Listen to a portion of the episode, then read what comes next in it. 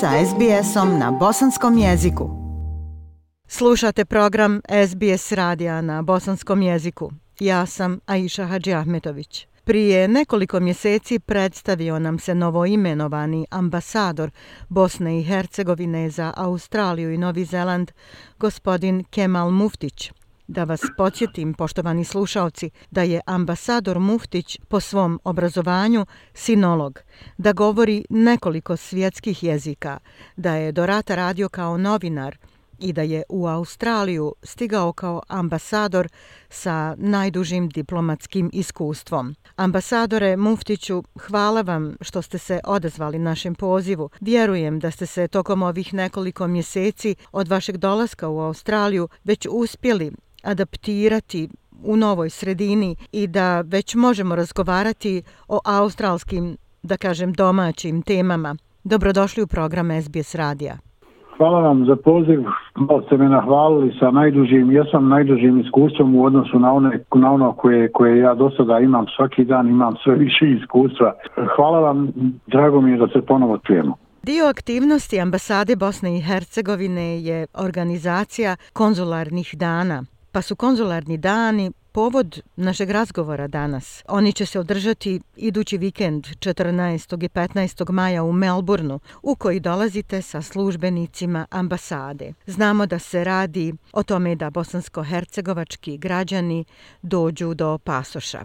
Možete li nam dati detalje o konzularnim danima uopšte i gdje će se tačno održati u Melbourneu? kao što ste rekli, to je subota i naredna subota i nedjelja. E, mjesto je St. Albans Community Center. To je adresa koja je vjerovatno poznata građanima Melburna na broj 33 Princess Street. Mi smo do sada dobili više desetina zahtjeva za, za pasoše i druge konzularne radnje i to je tako je tako su stekli uslovi da napravimo konzularne dane u Melbourneu pasoši i ostala i ostali dokumenti na taj način postaju dostupni ni one koji, ima, koji imaju potrebe za ovim konzularnim radnjama izlazimo u susret na taj način što ih, što ih što mi putujemo i dolazimo vama, a ne morate biti se mi ići u Kamberu. To je i svrha konzularnih dana da kad već nemamo stalno konzularno predstavništvo, da na ovaj način konzularnim danima rješavamo te probleme. Pa hvala vam što tako olakšavate našim građanima i što im uštedite put do Kambere. Ambasadore, da li su potrebne neke posebne pripreme prije nego što građani dođu na konzularne dane? Da li oni treba da prethodno kontaktiraju ambasadu ili mogu samo jednostavno doći u community centar u St. Albansu? Svakako mogu doći i svima je u to vrijeme ambasada se, tačnije njen konzularni odjel i ambasada je, i diplomatski i konzularni odjel se su na adresi koju ste pomenuli, koju gdje će biti dani.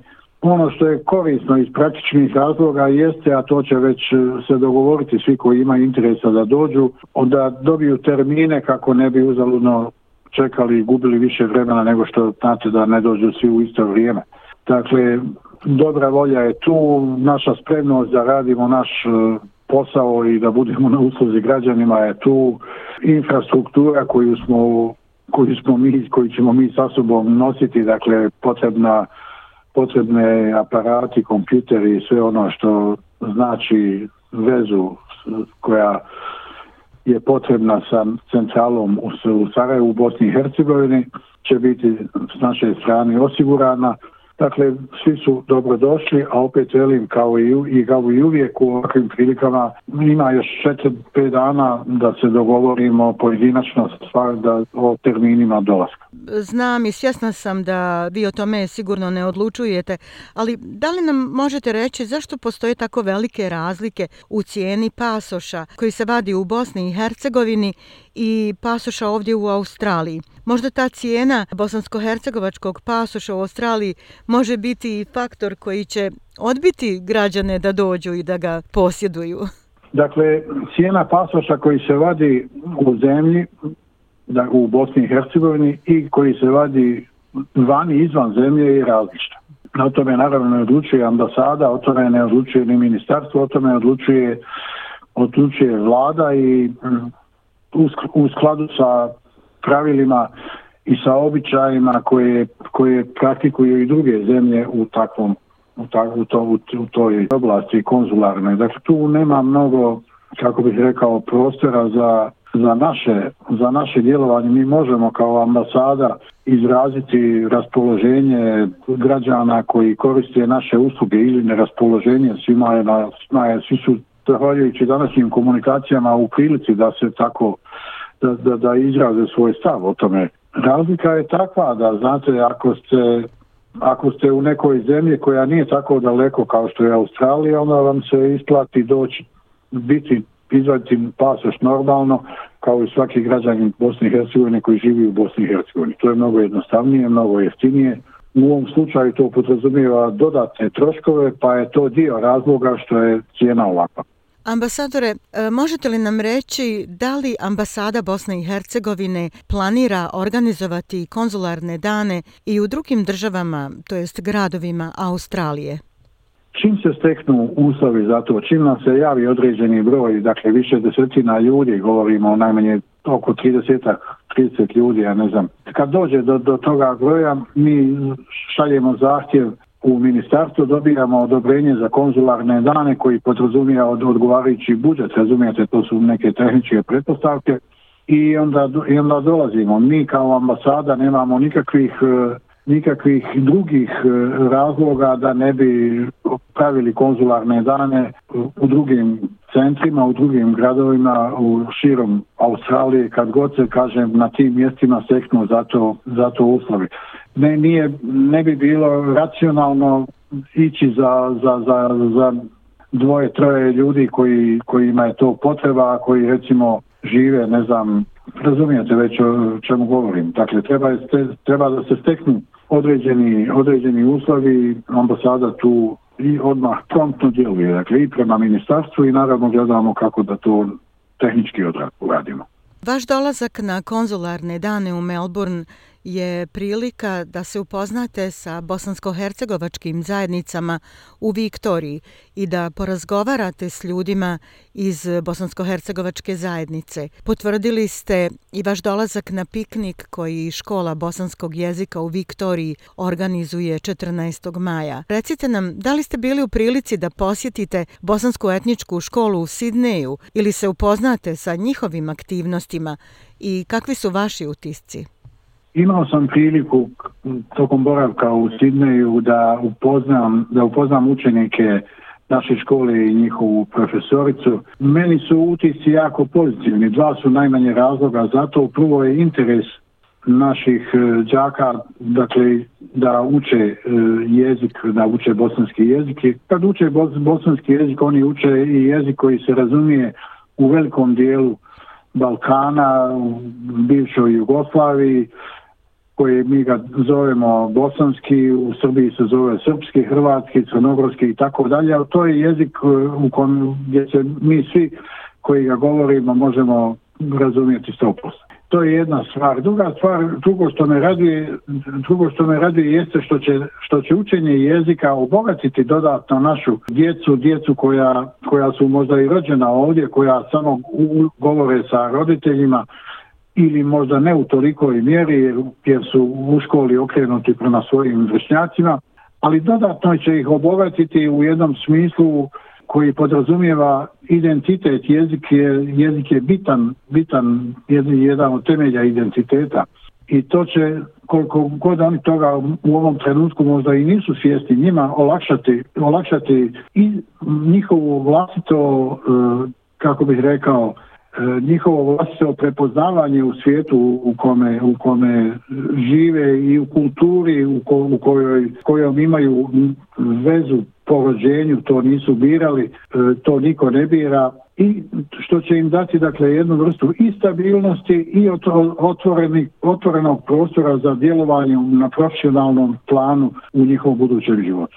Svakako i pored identiteta da je vladanje, da kažemo, i jezikom predaka veliko, veliko bogatstvo. Da se vratimo malo aktuelnoj situaciji u našoj prvoj domovini Bosni i Hercegovini. Radi se o izbornoj godini. Opšti izbori će se održati 2. oktobra. Kada je u pitanju aktivno učešće bosansko-hercegovačke dijaspore u procesu glasanja, Možete li nam reći kakva bi bila vaša poruka našim građanima?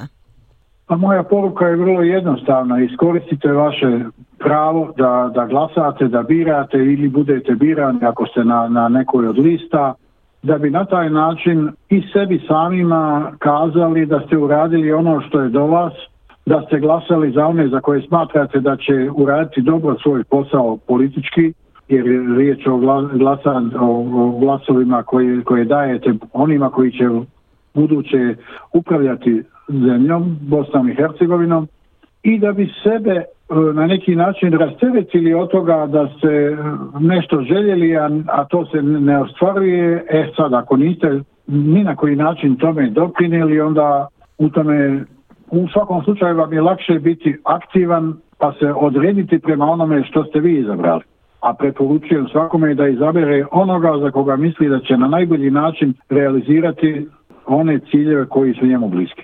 U svakom slučaju, poruka je izađimo i glasajmo. S obzirom na tešku ekonomsku situaciju u Bosni i Hercegovini i veliki strah koji je vezan za dešavanja u Evropi za rat u Ukrajini, da li smatrate da će predstojići izbori u Bosni i Hercegovini donijeti neku prekretnicu ili će oni donijeti nastavak aktuelne politike? Pa ja se nadam da će, da će biti promjena. E, promjene dolaze i izvana i iznutra. Dakle, izvana je ova situacija u Ukrajini u kojoj ja prepoznajem mnogo elemenata stanja i situacije u kojoj smo mi bili 90-ih godina, da je razlika u tome što je Evropa i svijet i najveći dio e, svijeta vrlo jasno odredio se prema e, ruskoj invaziji na Ukrajinu da će da to na, ta, na neki način i na vrlo direktan način skreće pažnju i na Bosnu i Hercegovinu, govorim skreće pažnju međunarodne zajednice i na Bosnu i Hercegovinu koja shvata da probleme koje mi imamo u velikoj mjeri u velikoj mjeri proizvodi i odnos te međunarodne zajednice prema nama, imajući u vidu probleme koji se tiču implementacije Dejtonskog sporazuma, A s druge strane očekujem da će i naši građani, da naši građani pol, polako do, do, dobijaju tu građansku svijest koja znači da, da svijest o, o, o značaju izbor prava glasa.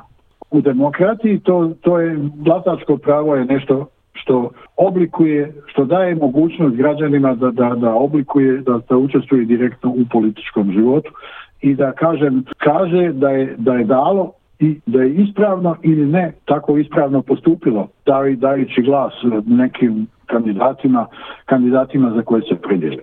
Dolazi sezona putovanja u Bosnu i Hercegovinu. Sa proljetnim i ljetnim mjesecima mnogi Australci bosansko-hercegovačkog porijekla putuju kući, putuju u prvu domovinu. Kakva su trenutna pravila za odlazak naših građana iz Australije u Bosnu i Hercegovinu i da li se tamo traže neki posebni dokumenti?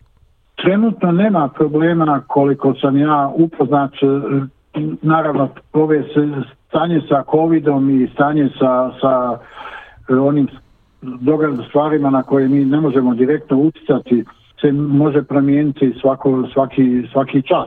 Ali za sada je stanje tako da se, da se može putovati, posebno kad je reč o našim, našim građanima, kad putuju dakle, sa, sa, sa našim pasošima, tu nema problema a pošto je tu i sezona i turistička, sve zemlje su učinile dodatne napore da bi, da bi što više u što većoj mjeri olakšale, olakšale kretanje ljudi. Naravno, svi imamo, svi smo svjesni potreba da se sami čuvamo i da jedni druge čuvamo i od zaraze i od svih drugih neprijatnosti koje se mogu desiti. Građani Bosne i Hercegovine imaju veoma emotivan odnos prema ambasadi u Kamberi. Ona je simbol domovine i ljudi su je i osnovali, izgradili i ugradili u nju i svoja sredstva, ali i ljubav. Dakle, ona je simbol Bosne i Hercegovine, a eto, vi ste od prije nekoliko mjeseci i prvi čovjek ambasade. Recite nam, ambasadore Muftiću, kako vidite svoju misiju u Australiji? Da li ambasada planira nešto posebno što će realizovati ove godine i kakva je dosadašnja saradnja sa bosansko-hercegovačkom zajednicom?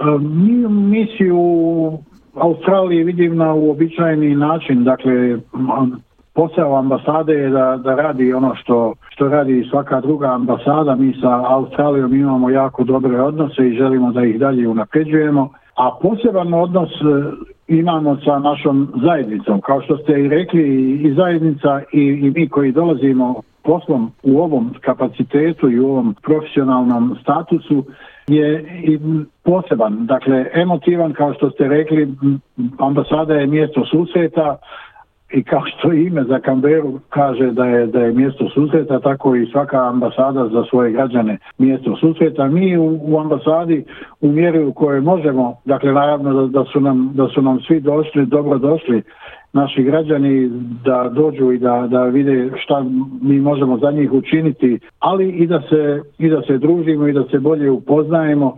Ono što mi planiramo to su budući susreti unutar ambasade, gledat ćemo da napravimo i neku izložbu, gledat ćemo da, da, da napravimo neke, neku projekciju filma, neki kulturni događaj. Sve govorim u mogućnost, stvarno sa mogućnostima prostornim i drugim koje mi imamo i sa našom velikom željom da pokažemo lijepo lice Bosne i Hercegovine i da ohrabrimo sve one koji žele da je posjete, da je da to učine kad je riječ o Australijancima, a naravno naše ljude ne treba tjerati da, da, da posjete Bosnu i Hercegovinu, oni to svakako rade.